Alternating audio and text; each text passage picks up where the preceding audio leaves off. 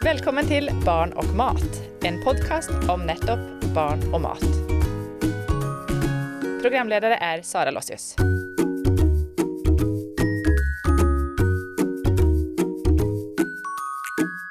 I denne episoden av Barn og mat skal vi forstå mer av hvorfor barn liker det de liker, og hva vi foreldre kan gjøre med det.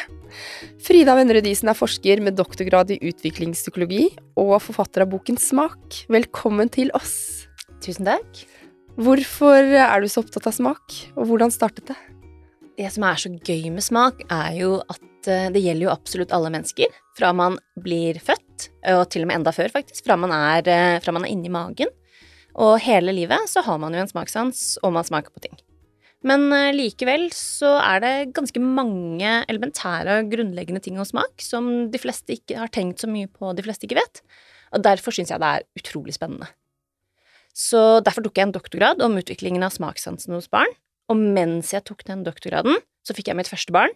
Og da jeg fikk mitt første barn, da fikk jeg jo 100 aha-opplevelser i hvordan all den teorien jeg hadde lært meg under doktorgraden, faktisk var noe jeg kunne bruke praktisk. Og så mange av de tingene som jeg hadde lært i studiet at var helt vanlig for alle barn, eh, det så jeg hos sønnen min, som for eksempel at eh, første gang jeg ga ham brokkoli, da, så likte han jo ikke den smaken. Og da visste jeg hvorfor han ikke likte den smaken. Men hos så mange av venner og andre jeg kjente, ble jo opptatt av sånn ja, men de, han liker jo ikke det så godt, hvorfor kan han ikke heller få da noe som er søtt? Og da merket jeg hvordan den teorien var noe man kunne bruke praktisk, og hvor mange andre foreldre som jeg tenkte også burde få lov å få vite mer om dette, da, fordi det gjør rett og slett livet utrolig mye enklere når man skal gi barn mat, og lære barn å like mat, rett og slett. Det føles litt som at det er en sånn skjult skatt av kunnskap som eh, alle trenger å vite mer om. Ja, det er akkurat det, det det syns jeg var så trist også, at det skulle være en skjult skatt, for jeg mener at det bør være allmennkunnskap og informasjon som er veldig lett tilgjengelig for alle. Og jeg merket jo selv at eh, selv om helsesykepleierne på helsestasjonen prøvde så godt de kunne, for eksempel, så sitter ikke de med så mye kunnskap om det heller. Og da, altså, når man får et barn på sykehus, så er det ikke akkurat sånn at dette er det man får informasjon om heller. Så det finnes ikke så gode systemer for at man som forelder skal få vite mye om dette på en trygg og god måte, da, rett og slett. Med mindre det er ofte fra, fra matprodusenter, da. Uh, og de har jo et litt annet forhold til det. Ikke sant. Mm. Vi begynner med begynnelsen, vi. Altså, hvordan påvirker hvordan mødre spiser når barnet er i magen, smaksløkene til dette mennesket? Ikke sant. Det er jo en av de faktisk vanskeligste tingene å forske på. Og en av grunnene til det er jo ganske enkelt, fordi hvis man skal forske på det, så må man jo prøve å kontrollere hva moren spiser mens babyen er i magen. Eh, gravide kvinner de er jo ganske spesielle på hva man har lyst til å spise og ikke. Det er ikke så lett å si til en som er gravid nå skal du bare spise gulrøtter, eller du skal spise gulrøtter hver eneste dag de neste fire ukene, når hun ligger på gulvet og kaster opp 90% av tiden. Så er det ganske vanskelig å knytte seg til å være med på et forskningsprosjekt av den typen. Uh, men likevel så vet vi en del, for det er klart å gjort en del gode studier, og gulrot det trekker jeg frem fordi det er en av de tingene som man har faktisk klart å gjøre ordentlig. At man har sett at mødre som drikker mye gulrotjuice under graviditeten, de får barn som syns det er lettere å lære seg å like gulrot, og liker gulrot bedre når de begynner å spise. Uh, og det er jo egentlig helt naturlig, fordi alt moren spiser, det kommer ned i, i fostersekken. Det blir en del Altså i fostervannet, da. Det kommer rester av det i fostervannet. Så barnet får smaksprøver, eller fosteret, da. Fosteret får smaksprøver hele tiden. Ja, fra fostervannet. Fra fostervannet, ja. Ja. Og som er rester av det moren spiser, rett og slett. Så man får lite grann smaksprøver hele tiden. Så hvis man for eksempel spiser ganske mye krydret mat, så, så kan det være Kan kanskje det gi Det kan hende, ikke sant, men det er vel litt vanskelig å vite det altfor kontrollert, men det kan nok hjelpe. Men samtidig tenker jeg det er også et sted hvor det er viktig å ikke få for dårlig samvittighet for det man kanskje har gjort feil, fordi der er det mange foreldre som kanskje ikke har klart å spise optimalt under en graviditet. Det er jo ganske tøft i seg selv. Uh, og det tenker jeg det trenger man ikke ha dårlig samvittighet for. Det er ikke sånn at der lar man et grunnlag som er umulig å snu. Løpet er ikke kjørt, Løpet er liksom. ikke kjørt ved fødsel, liksom. Nei, det, det skal gå ganske greit, da. Men hva eh, hvis man ammer, for det er jo ikke alle som får til det. Hvis, hvis man ammer, er- har det noe å si også? Ja, for da vet man jo også at man får, eh, får rester av hva, hva moren eh, spiser eller drikker, kommer jo også i morsmelken. Så får man også hele tiden disse, smak, disse små smaksprøvene, da. som vet man også da fra forskning, og da kan barna venne seg til for eksempel grønnsaker eller litt mer bitre ting. Og da gjelder det jo mest de tingene som er litt vanskelig å lære seg å like, for morsmelk er jo kjempesøtt. Eh, og det er helt naturlig, fordi barn er laget for å like, for å like søt smak. Så morsmelk er utrolig søtt. Så hvis man spiser veldig søte ting, så endrer ikke det kanskje smakskomponenten i morsmelken så mye, men det bitre kan komme litt mer inn, da, for eksempel. Mm. Mm. Kjapt, hvilke fem smaker har vi? Eller fem, det er fem, ikke sant? Vi har uh, søtt, sa, uh, søtt, surt, salt, bittert og umami. Så bra jeg hadde rett. Ja, du hadde rett. Mm. Så er det jo noen som er litt uenige om kan man ha noen flere. Det er alltid litt sånn frem og tilbake, men det er det det er, det, det er konsensus, og alle er enige om det. Ja. Men da jeg vokste opp, så var ikke umami en del av den. Nei, og det er jo eh, fordi det er en smak som er eh, vanligere i en del av verden hvor eh, eh, Altså Sørøst-Asia, det er jo der det kommer fra, det betyr god smak på japansk. Eh, og veldig mye av forskning som er gjort på dette, er jo amerikansk forskning. Og da har man kanskje ikke tatt så mye hensyn til andre steder. Mens eh, i, at det har eksistert som en grunnsmak, har jo vært eh, mer akseptert andre, deler, andre steder i verden. Da. Hvor er det man finner den? Eh, hva uma, eh, umami Altså, det er mange ting som er vanlig å spise som smaker mye umami, men eh, sushi smaker jo for eksempel veldig mye umami. Mm. Men også buljong, eh, tomat, kjøtt. Uh, mange beskriver det som en litt kjøttaktig smak. Uh, det er ikke nødvendigvis eh, men det, trenger, altså, det er ikke bare kjøtt, det er jo mange andre ting også. Mm. Men det er en det er, det er det er veldig vanskelig å beskrive hva en smak Det er en egentlig. god smak. Ja, det er en god smak. Det er en god smak, ja. Og den er også lett å like. Ja. De fleste, man gjør studier på små babyer, så liker de fleste umami med en gang de blir født. Ikke sant. Det er en smak som er lett å like. Men ehm, siden morsmelken er så søt, så er det jo uh, veldig lett å tenke at ok, skal ungen begynne å lære, eller babyen da, lære å, å spise mat, så gir man barnet noe søtt. Mm. Hva tenker du om det? Nei, jeg tenker jo at det er jo helt naturlig å tenke, og det er jo rester fra evolusjonen, ikke sant? Fordi da vi ikke kunne gå og kjøpe mat i butikken, så måtte vi jo finne ut hva slags mat som var trygg i naturen. Og den maten som ofte er trygg å spise i naturen, den smaker jo søtt, sånn som frukt og bær. Så derfor har vi som mennesker en smakssans som har tunet oss inn på at søtsmak betyr at noe er trygt. Så vi liker søtsmak fra med en gang vi ble født, og vi liker også derfor morsmelk veldig godt, da, for det er veldig søtt. Eller det er derfor morsmelk er søtt, er vel egentlig den enkleste måten å si det på. Så vi er jo laget til å være veldig glad i søtsmak. Men eh, det samfunnet vi lever i nå, så er det jo ganske annerledes. Og det er jo ikke lenger sånn at det vi trenger å tenke på når vi skal ta matvalg, er, er hvorvidt matvaren er trygg eller ikke. Og da er det andre ting som er viktigere å lære seg å like, da. For eksempel sånn som bittert, som er den vanskeligste smaken å lære seg å like, og som det er mye av i grønnsaker. Men hvordan går man frem da som foreldre når, eh, når avkommet skal begynne å spise? Mm, nei, ikke sant? Og det er jo eh, det aller letteste tidspunktet å lære, lære seg å like nye smaker, det er når man er veldig liten. Da er man mye mer mottagelig for det. Så Eh, fram til et år tenker du veldig liten, eller?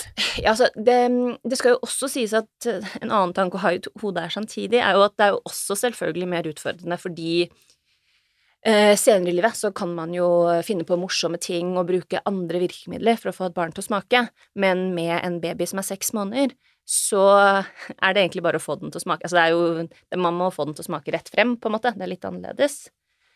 Men hvis man lærer seg fra tidlig stadie at ikke alt trenger å være så søtt, så er det lettere å akseptere at ikke alt er så søtt hele tiden, da. Men eh, da- er det jo mange ting man kan gjøre. Det er ikke sånn at man skal gi barnet sitt, babyen sin, rosenkål, og det er det, er det på en måte, for det, er jo en av de bitreste matvarene. Men at man istedenfor å bare gi søte ting, så kan man også gi en del grønnsaker, da, som kan være Som ikke nødvendigvis er så vanskelig for barna å lære seg, og la dem smake igjen og igjen og igjen og igjen, da. La dem smake gjentatte ganger, til de til slutt lærer seg å like det. Hvor mange ganger viser forskningen at man må smake? Ja, ikke sant? Fordi um, det er jo Alle foreldre har lyst på et svar på det, og det skulle jo liksom sagt sånn det er 42 ganger det svaret. Det hadde vært veldig fint hvis jeg kunne sagt det, men så enkelt er det ikke. Fordi hvis det er den aller første tingen man skal smake på, og man for eksempel skal lære seg å like eple, så kan det være ganske enkelt, fordi eple er ganske søtt.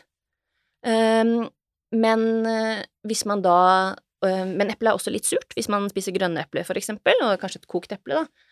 Så da er det litt vanskeligere å lære seg når det er litt surt, fordi sursmak er vanskeligere å lære seg å like, så da kan det ta litt lengre tid. Men hvis det barnet allerede liker pære, så blir det lettere å like, lære seg å like eple. Og hvis du tenker et barn som liker blomkål, så er det lettere å lære seg å like brokkoli. Og hvis det liker blomkål og brokkoli, så er det jo lettere å lære seg å like rosenkål enn hvis du tenker et barn som ikke liker noen grønnsaker, og hvor lang tid tar det nå for dette barnet å lære seg å like rosenkål, som er den vanskeligste tingen å lære seg å like. Så man kan ikke egentlig gi noe nøyaktig svar, da. I tillegg så spørs det også veldig mye på flere ting med barnet. Det er jo ikke sånn at alle barn er like ved fødselen. Vi har blant annet forskjellig følsomhet for de forskjellige grunnsmakene, som gjør at de smaker, det smaker forskjellig i hvor mye det smaker for oss. Hvis du og jeg sitter og spiser det samme, vi spiser en mango for eksempel, så kan du si å, den var, den var kjempegod, den smaker helt perfekt, og så kan jeg si jeg syns den var litt søt. Og så har jo ingen av oss feil eller rett, fordi kanskje så er jeg mer følsom for søtsmak enn det du er. Og da smaker det for søtt for meg, mens det smaker riktig for deg. Og egentlig så er kanskje eh, Egentlig så liker vi kanskje samme type søtsmak, da, men bare at fordi jeg kanskje er mer følsom for søtsmak, så vil smaksopplevelsen bli annerledes for meg enn den er for deg. Og sånn er det for barn også. Så noen barn kan for eksempel være veldig følsomme for bittersmak, og da er det mye vanskeligere for dem å lære seg å like bitre smaker enn for et barn som er lite følsomt for bittersmak. Men snakker du nå egentlig om kresenhet, eller det vi kaller kresenhet da? Eller er det ulike barn ulike Noen er jo mer kresne enn andre, sånn som jeg ja. Oppfatter det. Ja, det, altså, det er en, dette er jo på en måte en komponent av det å være kresen, men det gjelder egentlig alle barn uansett. Man trenger ikke å bli kresen fordi man er veldig følsom for en smak, og man trenger heller ikke å være veldig følsom for en smak fordi man er kresen. Eh, men det er jo ofte sånn at de som er kresne, er litt mer følsomme, spesielt for bittersmak, da. Mm. Men hvordan Altså, når du det, Jeg syns det var veldig kult at det der med du hadde teori, og så fikk du et eget barn, og mm. så ble det teori og praksis. Hvordan gikk du selv frem for eh, å utfordre smaksløkene til barnet ditt? Nei, altså, da må jeg også si med en gang at jeg hadde jo da, må jeg si, en helt enorm fordel, fordi jeg holdt på med en doktorgrad om utviklingen av barns smakssans mens jeg hadde et lite barn, som gjorde at jeg syntes jo Det var jo nesten som jeg fikk mitt eget uh, min egen lille forskning forsk, Altså lille prøvekanin som jeg kunne prøve ut på. Og jeg hadde jo lest ekstremt mange forskningsartikler om temaet fordi det var jobben min, rett og slett. Uh, som gjorde at jeg nok uh, gikk inn i det på en litt annen måte, og ikke nødvendigvis en måte som jeg tenker at de fleste foreldre har mulighet til. Da jeg fikk mitt barn nummer to, for eksempel, holdt jeg ikke lenger på med en doktorgrad i smakssans. Og da var jeg kanskje litt slakkere på det. Men med førstemann så var jeg da veldig opptatt av å tenke uh, At jeg tenkte at jeg skulle prøve uh, hver grønnsak jeg ga han, minst tre ganger, og at jeg skulle liksom skrive ned hvordan han likte det, som, hvordan han avviste det eller ikke. Og så uh, introduserte jeg mer eller mindre, for eksempel. Men jeg begynte med most avokado, da. nå visste vi kanskje litt mindre om de negative sidene av avokado da enn nå, men det er jo en veldig fin ting å begynne med, fordi det minner veldig mye om morsmelk på veldig mange måter i eh, komponentene. Og det er ganske lett å like, i tillegg til at det, det er veldig greit om å bare mose det med, med, en, med, en, gaffel, og så bare ta det på en liten skje, så er det veldig lett å spise. Men det jeg gjorde som kanskje er det viktigste, og kanskje det, det viktigste tipset, det er jo bare det å lage grønnsaker til seg selv som man skal spise og så mose litt av de grønnsakene og gi barna mange små smaksprøver hele tiden, sånn at de hele tiden bare får smake litt fra fingeren din, eller har en smakesmokk, eller får litt på en skje. Og sånn blir utsatt for veldig mange grønnsaker uten at man står som forelder og skal være barnematprodusent hele tiden. Mm. Man kan ikke drive og lage måltider til de som er seks måneder, og de spiser Altså, de har bitte liten magesekk. De spiser to skjeer.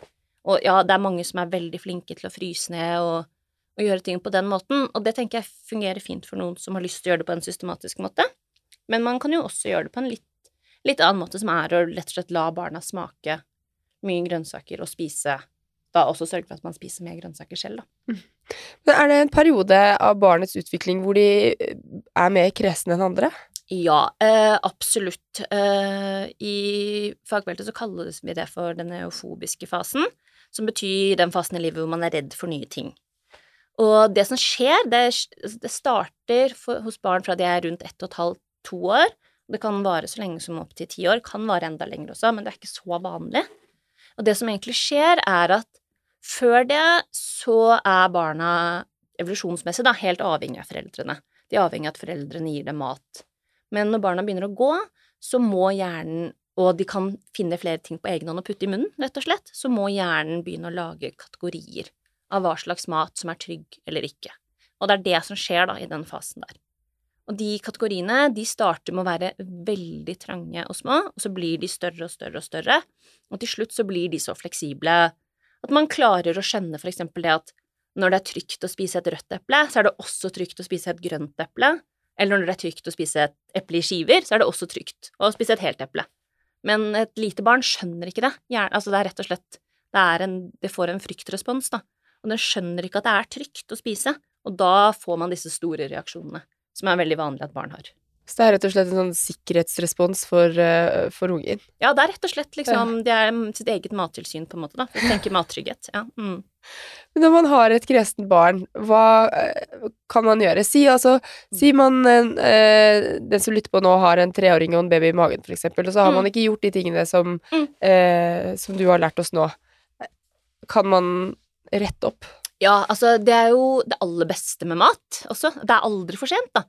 Selv for, et, eh, selv for en 80-åring så kan man jo lære seg å like brokkoli hvis man ikke gjør det. Det er, det aldri for sent å snu. Eh, og jeg har også veldig forståelse for at når man har veldig små barn, så skal man tenke på en million ting. Dette var jo det jeg tenkte kanskje mest på da jeg hadde små barn. Men andre har kanskje andre ting som de er nødt til å tenke mer på. Men eh, det er rett og slett bare da å prøve å tilby mer grønnsaker som er eh, oppskåret, og uten å gjøre noe stor sak av det. Det er det kanskje viktigste. Ikke begynne å mase om at man skal spise det, eller sånn 'smakte du på den, og du må smake på grønnsakene', og det er viktig for deg å spise brokkoli, men bare tilby grønnsaker, da. Og kanskje ikke, ikke starte med brokkoli og rosenkål nødvendigvis, hvis man har barn som ikke er så veldig glad i grønnsaker, men eh, starte med grønnsaker som er lettere å lære seg å like, da, som har litt andre smakskomponenter, som for eksempel rød spisspaprika, som jo også er veldig søtt, eller søtpotet eller andre typer ting. Og prøve å bygge på det barna allerede liker. Jeg snakker med mange foreldre som sier sånn barna mine liker ingen frukt eller ingen grønnsaker. Og veldig ofte så stemmer jo ikke det. De liker De har noen få ting de liker, men de liker ikke så veldig mye. Og da heller bygge på det, da, og være fornøyd med det. For det er en vanskelig utfordrende fase. Men søtt Altså, vi var litt inne på det i stad, men vi lever jo i en kultur hvor veldig mye er søtt. Hvordan påvirker det, eller påvirker det smaksløkene våre at det er søtt overalt?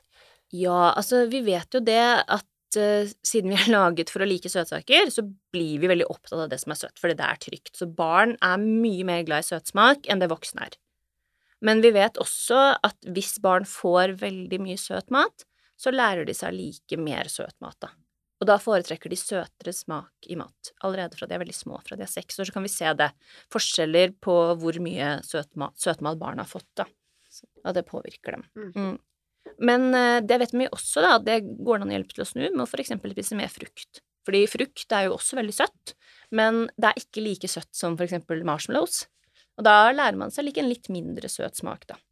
For det er jo ikke det at målet skal være at barn ikke skal like søt smak. Det er egentlig umulig. For det er jo det vi er laget for å like. Men det er heller det med ja, at kanskje ikke alt trenger å være supersøtt hele tiden, da. Mm. Kunne vi pratet litt om eh, det å lage mat selv versus det å kjøpe eksempel barnemat, om det har noe å si? Ja, eh, det, som, eh, det, som, er veldig interessant der, er jo det at eh, eh, forskere har, Når man har forsket på det, så finner man det at hvis man spiser grønnsaker på glass, altså på sånn matglass, så har ikke det noen overføringsverdi til å lære seg å like de grønnsakene i det virkelige liv, hvis man kan si det sånn, da. Hvis du spiser eh, Hvis du sitter og spiser et sånn eh, glass med søtpotetpuré som er kokt og kokt og kokt, og jeg senere gir deg eh, søtpotet i skiver, for eksempel, som er stekt i ovn, så ikke, da, da, kommer ikke du til å like det bare fordi du likte det glasset. Hmm. Ja. Og det er rett og slett fordi smaken blir så forskjellig når man koker det så lenge, og man gjør så mye med det, at det ikke nødvendigvis har en overføringsverdi, da. Det er jo litt det samme, Man kan jo tenke seg det litt hvis man tenker på syltetøy, for eksempel, at det er ikke nødvendigvis sånn at fordi man liker jordbærsyltetøy, så liker man ferske jordbær som ikke er så veldig modne. Altså, det er, men det er, det er, forsket en del på, og det finner, det finner man da. Eh, men samtidig så er det jo for barn som er kresne, så vet vi også at grønnsaker og frukt er mer utfordrende fordi det er forskjellig fra gang til gang. Så det er for eksempel med det glasset, hvor man vet at man alltid får det samme, så er det lettere å spise da, for en som er kresen, og kanskje mer sannsynlig at de spiser mer. Ja, så de, det blir da trygt for barnet, og derfor er det greit å spise det, mens det andre trigger den fryktresponsen du snakket om i sted. Ja, egentlig. Mm. Så Ja. det oppleves sånn, da, fordi når man spiser eh, Når man spiser eh, Hvis du spiser grønnsaker det vet, og frukt, det vet jo alle, det er jo smaker forskjellig fra gang til gang. Det ser forskjellig ut fra gang til gang. Selv om altså, det er jo ikke gigantiske forskjeller, men det er jo ikke helt likt. Og barn er mye mer eh, fintunet på det enn det vi er, da, for vi har jo laget disse trygge kategoriene og tenker ikke egentlig så mye på det lenger. Altså, de kategoriene du snakker om, da er vi inne på det med smak, for det handler ikke bare om hvordan det smaker, men også da konsistensen, hvordan det ser ut. Og det påvirker hvordan vi smaker det på tunga, nesten, eller også hvordan funker det? Ja, så konsistensen kan påvirke smaken, absolutt, men det, kanskje det viktigste med eh, konsistensen er jo det at munnmotorikk er jo noe vi må utvikle. Vi er ikke født med munnmo munnmotorikk. Eller altså, vi er født med litt munnmotorikk, men ganske lite. Så det er noe vi må øve oss med, lære oss å tygge og lære oss hvordan vi skal bruke tunga på en god måte, for eksempel, når vi spiser. Eh, og det er ganske vanskelig. Og som de fleste ting som er ganske vanskelige, så er det jo lettere å for eksempel spise da mat på en skje som er en mos. Men eh, det betyr jo ikke at man ikke likevel må lære seg å spise det, for man kan jo ikke sitte og spise mos resten av livet. Eller det vil jeg tro at det er ikke målet for de fleste foreldre, at liksom man skal ha barn som bare spiser most Voksne barn som bare spiser most mat. Eh, Men konsistens er også vanskelig fordi eh, der er vi forskjellige En slags følsomhet også, da, men hvor eh, den ikke-responsen Altså hvor ekkelt man kan synes det er med forskjellige konsistenser. Det er for eksempel mange barn som kan synes at banan er, eh, har en veldig ekkel konsistens. Ikke så mange voksne som synes det, fordi i Norge spiser vi veldig mye bananer, så vi har vent oss til den konsistensen som er på banan. Men hvis du tenker på konsistensen på banan, så er den jo på mange måter litt ekkel. Litt slimete? Ja, litt sånn slimete og ekkel. Litt sånn som man jo tenker at østers er, for eksempel, eller blåskjell, som også er ting som er veldig vanlig å ikke like på grunn av konsistensen. Mm. Men eh, et annet eksempel på konsistens er jo gelé, eh, for det har jo også en utrolig slimete og ekkel konsistens. Ikke så veldig mange voksne som er så glad i det. Barn elsker det jo fordi det er supersøtt og har en sterk farge. Ja, så farger har noe å si også. farger har veldig mye å si, spesielt, eh, eh, spesielt for barn, men også for voksne, men for hva vi forventer. Hvis noe er rødt, for eksempel, så forventer vi at det skal smake søtere. Hvis noe er grønnere eller gulere, forventer vi at det skal smake surere. For det typisk er sånn med frukt og i naturen, da. Så det gjør at vi forventer, eh, forventer andre ting før vi smaker. Hva er det du Du har jo et boken Smak, som er en kjempefin bok om både hvordan vi kan bli bedre på Eller om smak, og hvordan man kan lære barna sine smak, og også praktisk. Men når du på Instagram-profilen din og med boken, hva slags Hva er vi mest usikre på, vi foreldre? Det tror jeg de fleste som er mest usikre på, er at de føler jo at det er noe galt med barna sine ofte. Og det er jo som regel ikke det i det hele tatt. Altså, det er jo som regel ikke noe klinisk galt eller noe man faktisk trenger hjelp for. Det er vanlig at det er vanskelig med mat og barn. Det er helt vanlig at det er få grønnsaker de liker. Det er helt vanlig at måltidssituasjonene kan være litt utfordrende. At de har noen ting de vil spise. At de liker den beige maten, altså pasta og brød og altså det som er veldig enkelt og trygt. Det er helt vanlig at barn er, sånn. Det tenker jeg kanskje er det, er det viktigste, rett og slett. At foreldre blir usikre da, på om det er noe galt med akkurat sitt barn. Det er litt befriende å tenke på, tenker Mm. jeg. Men hvis det er tre ting vi kan gjøre eh, avslutningsvis for å få barn til å For det som å, like mye mat er jo egentlig å bare gi barnet rik livsopplevelse når de Mm. blir eldre, for smak er jo så godt, altså det er så mye Mm. god mat. Mm. Så de tre beste tipsene dine. Ja, da tenker jeg jo det første kan jo være akkurat det du sa nå, for det handler jo om matglede. Og det er å tenke på at dette skal munne i matglede, og det man gjør, skal munne i varige matvalg for barnet. At man har lyst til å ha barn som faktisk liker frukt og grønnsaker. En av grunnene til at jeg gjør det jeg gjør, er at jeg har lyst til at det skal være flere barn som er like glad i tomat som det jeg er. For jeg elsker tomat, og jeg har så lyst til at flere skal kjenne på den følelsen av at jeg spiser tomat fordi jeg vil det, ikke fordi jeg ikke liker det. Eh, og hvis man har det mindsettet, så tror jeg det er lettere å tenke på at det skal være morsomt og mindre eh, kjeftete, da, å få barn til å like frukt og grønnsaker. For det vet vi også veldig godt, det, det funker ikke med kjefting. Det funker ikke med trusler, og det funker ikke med tvang, og det funker ikke med å gi mat som belønning for andre ting, eller å gi en belønning hvis du spiser opp de grønnsakene. Da blir det bare mer negativt. Eh, så istedenfor prøve å gjøre det morsomt, for vi vet at når det er morsomt, så bruker vi en annen del av hjernen, da bruker vi ikke den analytiske delen av hjernen, og da er det mye lettere for barn å smake. Hvis brokkoli for eksempel kan være små, kan være små trær da, som, man, som man spiser på, eller hvis man um, eller hvis man er mer utforskende sammen i det man spiser, så er det lettere. Og det tredje er å tenke på hvor viktig man selv er som en rollemodell. Eh, det vet jo de fleste foreldre, men det er lett å glemme det når det kommer til mat.